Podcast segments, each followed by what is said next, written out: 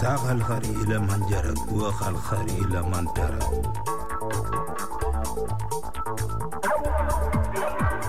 Koalicija Združenih držav Amerike, Velike Britanije in tako imenovanih voljnih je 19. marca 2003 pričela vojaške operacije v Iraku. Zastavonoša invazije na Irak je bil predvsem tedajni predsednik George Walker Bush, ki je s podporo britanskega premijeja Tonija Blaira želel zrušiti režim Sadama Husseina.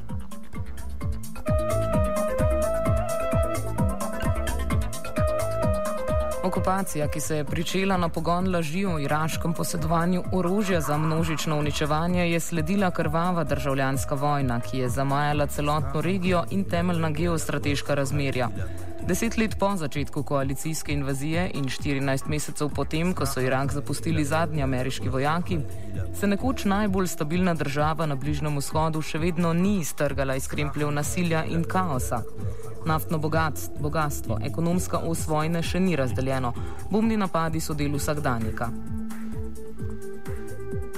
Linden,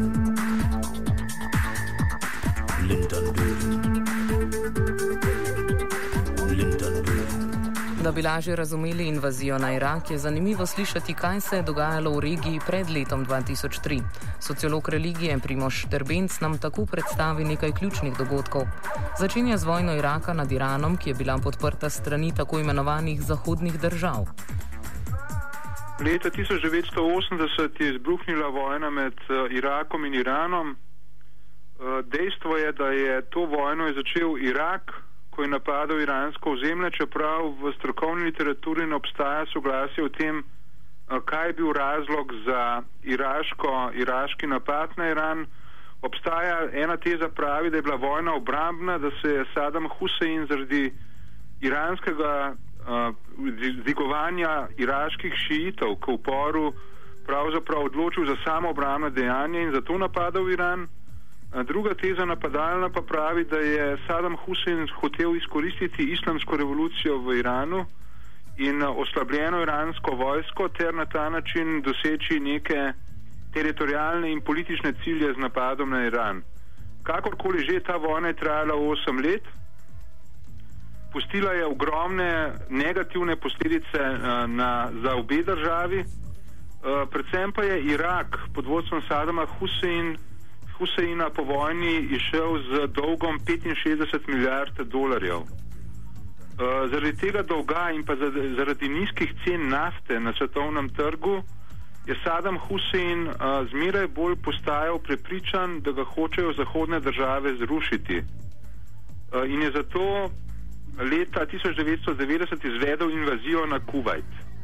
Vemo, da je invazija na Kuwait oziroma zasedba Kuwaita uh, pravzaprav povzročila odločen odgovor ZDA, ki so oblikovali tudi arabsko koalicijo in pa izgon Iraka iz Kuveta, sledile pa so potem uh, eh, 12-letne uničujoče sankcije, ki so povsem, ki so povsem oslabile iraško državo, tako da ko se je Busha administracija uh, z lažmi oziroma pod pretvezo odločila napasti Irak, uh, je bilo pravzaprav uh, gotovo, da Irak ne more nuditi več nikakršne, nikakršnega resnejšega vojaškega odpora. Kot smo slišali, je bil del poligona za invazijo ZDA in evropskih kolaborantov pripravljen že nekaj časa. Potrebno si je bilo le še izmisliti povod, ki bi prestrašene ljudi prepričal, da je vojna nujno potrebna. Kot je znano, je bilo najbolj pri roki, da se v javnosti lansira informacijo, podkrepljeno s številnimi kvazi dokazi, da poseduje Irak biološko orožje za množično ubijanje. To se je seveda kasneje izkazalo za popolno laž. Štrbenc nadaljuje s tremi osnovnimi razlogi, ki so invazijo sprožili. Vprašanje, zakaj so ZDA skupaj z neko širšo zahodno koalicijo napadle Irak leta 2003. Torej je, lahko rečemo, da ni popolnoma jasno, vendar pa lahko nekaj razlogov omenimo. Prvi je ta, ki ste ga že omenili, se pravi, da Irak imel, ima druge, največje, druge ali tretje največje zaloge nafte na svetu in ameriška administracija se je hotela polastiti teh zalog tudi v luči percipiranega tekmovanja s Kitajsko, namreč da bi Kitajsko odrezala od bližnje vzhodne nafte. Eh, drugič, treba je upoštevati, da je na odločitev Bushe administracije, da bo napadla Irak, bistveno, če ne celo odločilno, prispeval nenehen pritisk proizraelskega lobija v ZDA in pa samega Izraela. Uh, torej, Izrael uh, je hotel ZDA pripraviti k napadu zaradi tega, da bi izločil enega od močnejših arabskih nacionalističnih uh, tekmecev Izraelu na Bližnjem vzhodu in pa v bistvu, da bi tudi razbil to državo.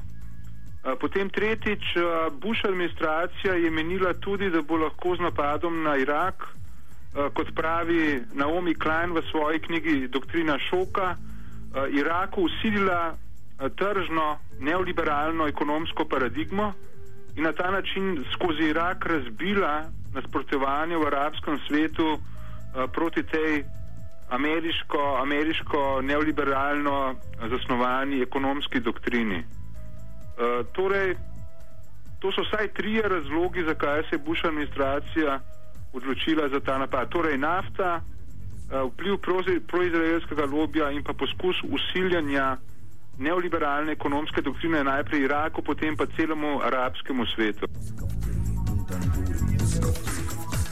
Štrbenc kot glavne tri razloge ameriške okupacije navaja nafto, silitev neoliberalne paradigme in proizraelski lobby. Govorili smo z Boštjanom Videmškom, novinarjem in poznavalcem razmer v regiji, ki štrbečeve razloge nadgradi. Mogoče bistveno omilo uh, kot enega glavnih razlogov vpliv proizraelskega pro lobija.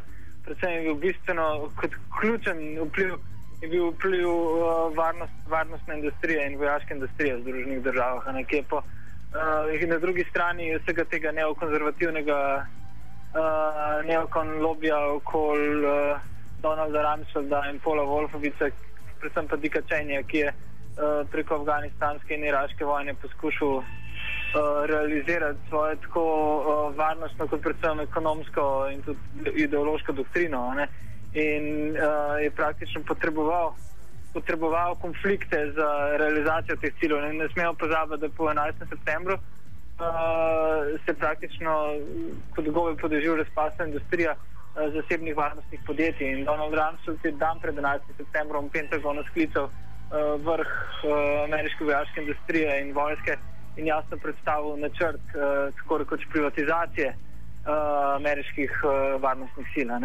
In uh, vojni v Afganistanu in Iraku sta bila uh, praktično poligon uh, za vzpostavljanje tega in zgodbe, uh, ne vem, Blackwater in podobnih organizacij so predvsem v Iraku to jas, jasno pokazale. Na drugi strani ne, je jasno, da je močan, po mojem mnenju, celo ključen argument za vojno posredovanje v Iraku je bila nafta. Ne?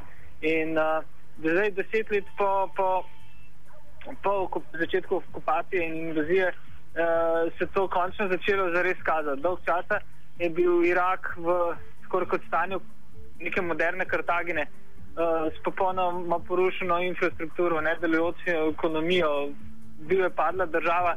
In v padli državi to vrstni posli nekako niso mogli delovati, ne, ne samo zaradi varnostnih, ampak tudi zaradi infrastrukturnih uh, vzrokov.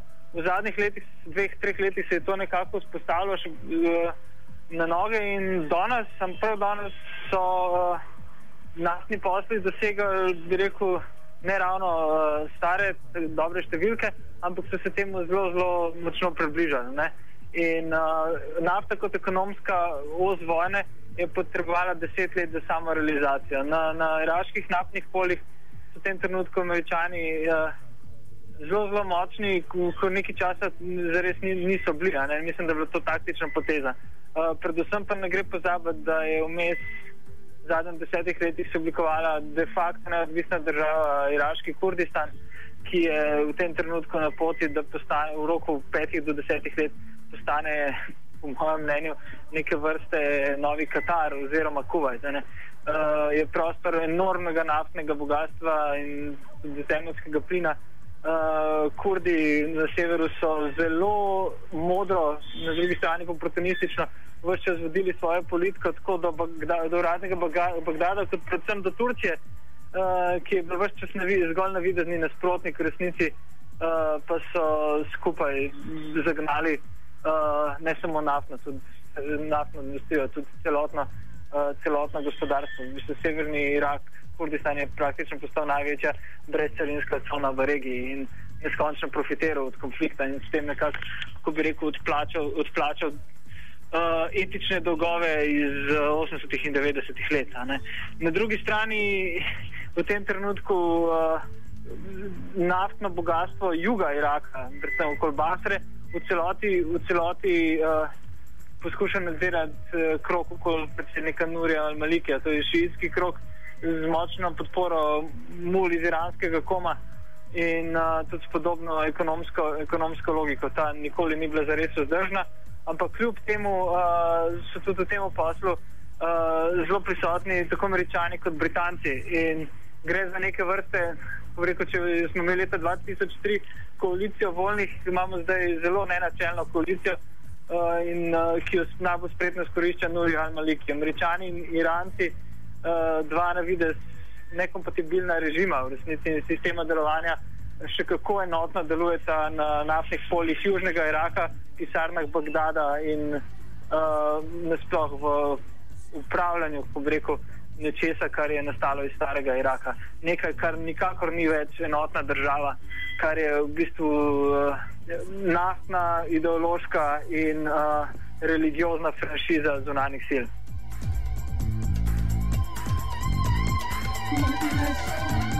Nadaljuje Primoš Trbenski, pojasnjuje nekatere razloge za današnje slabe razmere v Iraku. Ja, torej, to, kar se dogaja danes, tega ne moremo razumeti, če ne pogledamo k samemu izvoru problema, to je ameriški napad leta 2003. Uh, Američani so napadli Irak, zrušili Sadam, režim Sadama Huseina, ki, ki je bil uh, sunitsko dominiran režim. Iraški šiiti, ki tvorijo 60% prebivalstva, pa so v ameriškem napadu videli enkratno zgodovinsko priložnost za spremembo svojega marginaliziranega družbeno-političnega položaja. Iraški šiiti namreč vse od leta 1638 niso bili na oblasti, temveč so bili deprivilegirani. Tako so po ameriškem napadu šiiti prevzeli oblast in jo vse do danes utrjujejo in držijo v svojih rokah, danes preko premija Nurja al-Malikija, vendarle pa suniti, ki tvorijo 20% prebivalstva, lahko rečemo, nikoli niso priznali šiitske oblasti. Uh, suniti namreč menijo, da zaradi zgodovinskih razlogov, uh, ko šiiti pravzaprav le, le ko so imeli šiti le zelo redko oblast, torej da zaradi zgodovinskih razlogov šiti ne znajo voditi države, da niso sposobni za to. Še pomembneje pa je, da sunitska skupnost meni, da so šiti prišli na oblast s kolaboracijo z američani. Torej, da je šiitska oblast, ki sedaj traja deset, nelegitimna, ker je bila prinešena na ameriških bombah in uh, vojaških škornjih. Zaradi tega torej so, so že kmalo prešli na, uh, k bombnim in ostalim napadom na šiite, uh, hkrati pa so šiiti odgovarjali nazaj, predvsem po letu 2006, kar je povzročilo grozovito državljansko vojno. Religijski razlogi so eni ključnih za današnje skrajno napete razmere v državi. Štrbenca smo tako vprašali, kakšna je možna prihodnost Iraka prihodnost uh, vsekakor ne bo, ne bo lahka, ne bo, ne bo svetla, prihodnost bo po mojem še bolj črna. Uh, namreč uh, lahko rečemo, da Irak pravzaprav kot enotna država, kot smo jo poznali pred recimo letom 2003 ali pa pred letom 1991, ne obstaja več. Namreč na severu je nastala uh, de facto kurdska država, ki že sama sklepa naftne pogodbe ima pravzaprav vse pogoje za nastanek državnosti. V zadnjem času se dogovarja tudi s Turčijo o graditvi naftovoda. Če se ta naftovod zgradi, potem dejansko gre ta država lahko povsem na svoje. Po drugi strani, kot sem že rekel, je pa v preostanku Iraka pa obstaja ta pravzaprav antagonističen konflikt med suniti in šiiti. In ta se vsekakor ne bo Eh, zelo hitro razrešil, če se sploh bo razrešil, celo več. Uh, ta konflikt se je po letu 2003, uh, eh, torej sunitsko-šiitski konflikt, začel, šir, začel širiti na celoten bližnji vzhod. Napad na Irak in pa šitska, šitski prevzem oblasti je namreč spodbudil šiite posod drugot v arabskem svetu, da so začeli dvigovati glave, predvsem v Bahrajnu, Libanonu in pa, uh, in pa uh, v Jemnu. Uh, po drugi strani pa so suniti, Saudska Arabija predvsem in pa druge sunitsko dominirane države začeli na to šitsko dvigovanje glav gledati zelo skeptično. Kar hočem reči je to, državljanska vojna, ki se danes dogaja v Siriji, to klanje, ta destrukcija je pravzaprav v bistveni, če ne odločilni meri pogojena z ameriškim napadom na Irak in pa dogodki od, vse od takrat. Pričemer bi rekel še to, da Bushova administracija je menila, da bo z napadom na Irak na svojo stran pridobila iraške šite. Iraški šiti so sicer z hvaležnostjo prevzeli oblast, vendarle pa je kmalo postalo jasno, da so bolj pripravljeni sodelovati z Iranom. Ko je Bush administracija to videla, torej da se krepi vpliv Irana na celem Bližnjem vzhodu, je leta 2007 začela tajno v sodelovanju s Saudsko Arabijo uh, krepiti radikalne islamistične skupine z namenom slabitve vpliva Irana in pa proiranskih akterjev. Torej, to, da danes v Sirijo prihajajo pravzaprav tisoči in tisoči sunitskih radikalnih islamistov, je v veliki meri posledica tudi tega, kar je delala Bushova administracija. Posledice ameriške okupacije v Iraku nosi današnji vsakdanjik v tej državi. O tem, kakšen je in kakšen bo v prihodnosti, zaključuje Boštjan Videmšek. Glede na to, da je točno danes deseta obletnica začetka invazije, je Bagdad, Bagdad v bistvu delu, deloval dansko tematski park vseh teh desetih let. In kot ste videli na novicah, je bil v bom, desetih bombnih in samoljetskih napadih v Bagdadu, v Bagdadu umrlo okoli 60 ljudi, približno 200 bilo pa ranjenih. In to je nekako zelo grobo rečeno, bila statistika vojnih let. In na hitro so na novo zrasle varnostne nadzorne točke, vojska in policija je šla v ogromnem številu na ulice, zrasle so te betonske, velike betonske ograde, ki so mesto v letih 2003-2009 nekako spremenile v labirint smrti. In uh, v Iraku se je, po mojem mnenju, ta državljanska vojna, neposredna posledica ameriške koalicijske okupacije, nikoli ni zares končala. Samo odkovane spiče celice, tako sunitskih kot šiitskih uh, ekstremnih, ekstremnih uh, paravojaških skupin. Uh, ne da so zaspale, so se delali zaspale in da so zaspale in oportunistično čakale na priložnost, da ponovno uh, začnejo delovati in uresničevati svoje cilje. Ves čas so bile te milice, recimo, tako so nizke kot šiitske, orožje v rokah zonanih igralcev. Danes ni pretirano drugače. Ne? Irak lahko kadarkoli uh, ponovno raznese s podobno intenzivnostjo uh, kot uh, v med letih 2003-2009, na drugi strani pa ne smemo pozabiti na kako blizu je tako po nivoju intenzivnosti in kontekstu konflikta kot geografska serija, ki uh, lahko v katere konflikte, ko kadarkoli uh, prestopi iraške meje. Na koncu koncev so v času iraške vojne je potekal promet iz iraške province Ambar proti Siriji, uh, tako orožja kot borcev. Uh, Mislim, iz Sirije proti iraški provinci Ambar, uh, danes pa je nasprotno, iz iraške province Ambar proti Siriji prihajajo stari, prekaljeni uh, in do dobro oboroženi borci, ki sem jih konec koncev tudi srečal uh, lani na sirskih bojiščih v Tal Rifatu. Če se dotaknemo še ene izmed dediščin te desetletne, desetletnega boja na Iraku, mesto Faluđa, mesto, bilo, kjer so potekli najhujši spopadi tekom iraške vojne. Mm. Je zajela epidemija rojevanja pohabljenih otrok. Kako malo več o tem? Uh, to ni nekaj novega, to se je začelo že v letih 2007.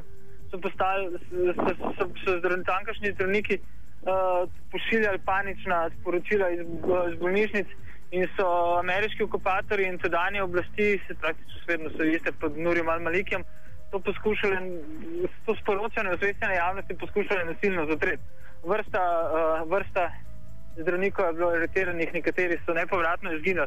Um, Marsikje je to posledica osiromašenega urana, drugih toksičnih uh, prepovedanih orožij, belega fosforja in podobnih, bi rekel, substanc, ki so obeležile uh, zadnje, prva leta bojevanja v 21. stoletju. Uh, v Faludži je potekal, potekala zelo, zelo, zelo brutalna vojna, v kateri uh, se vsaj ameriška stran, niti približno koalicijska stran, ni držala nikakršnih, uh, nikakršnih mednarodnih, uh, mednarodnih pravil in norm. Um, ta, ta ista Faludža je ne samo, da je plačala to brutalno ceno, uh, da so prebivalci plačali, nove generacije plačujejo ceno za, za vojno v vrsto.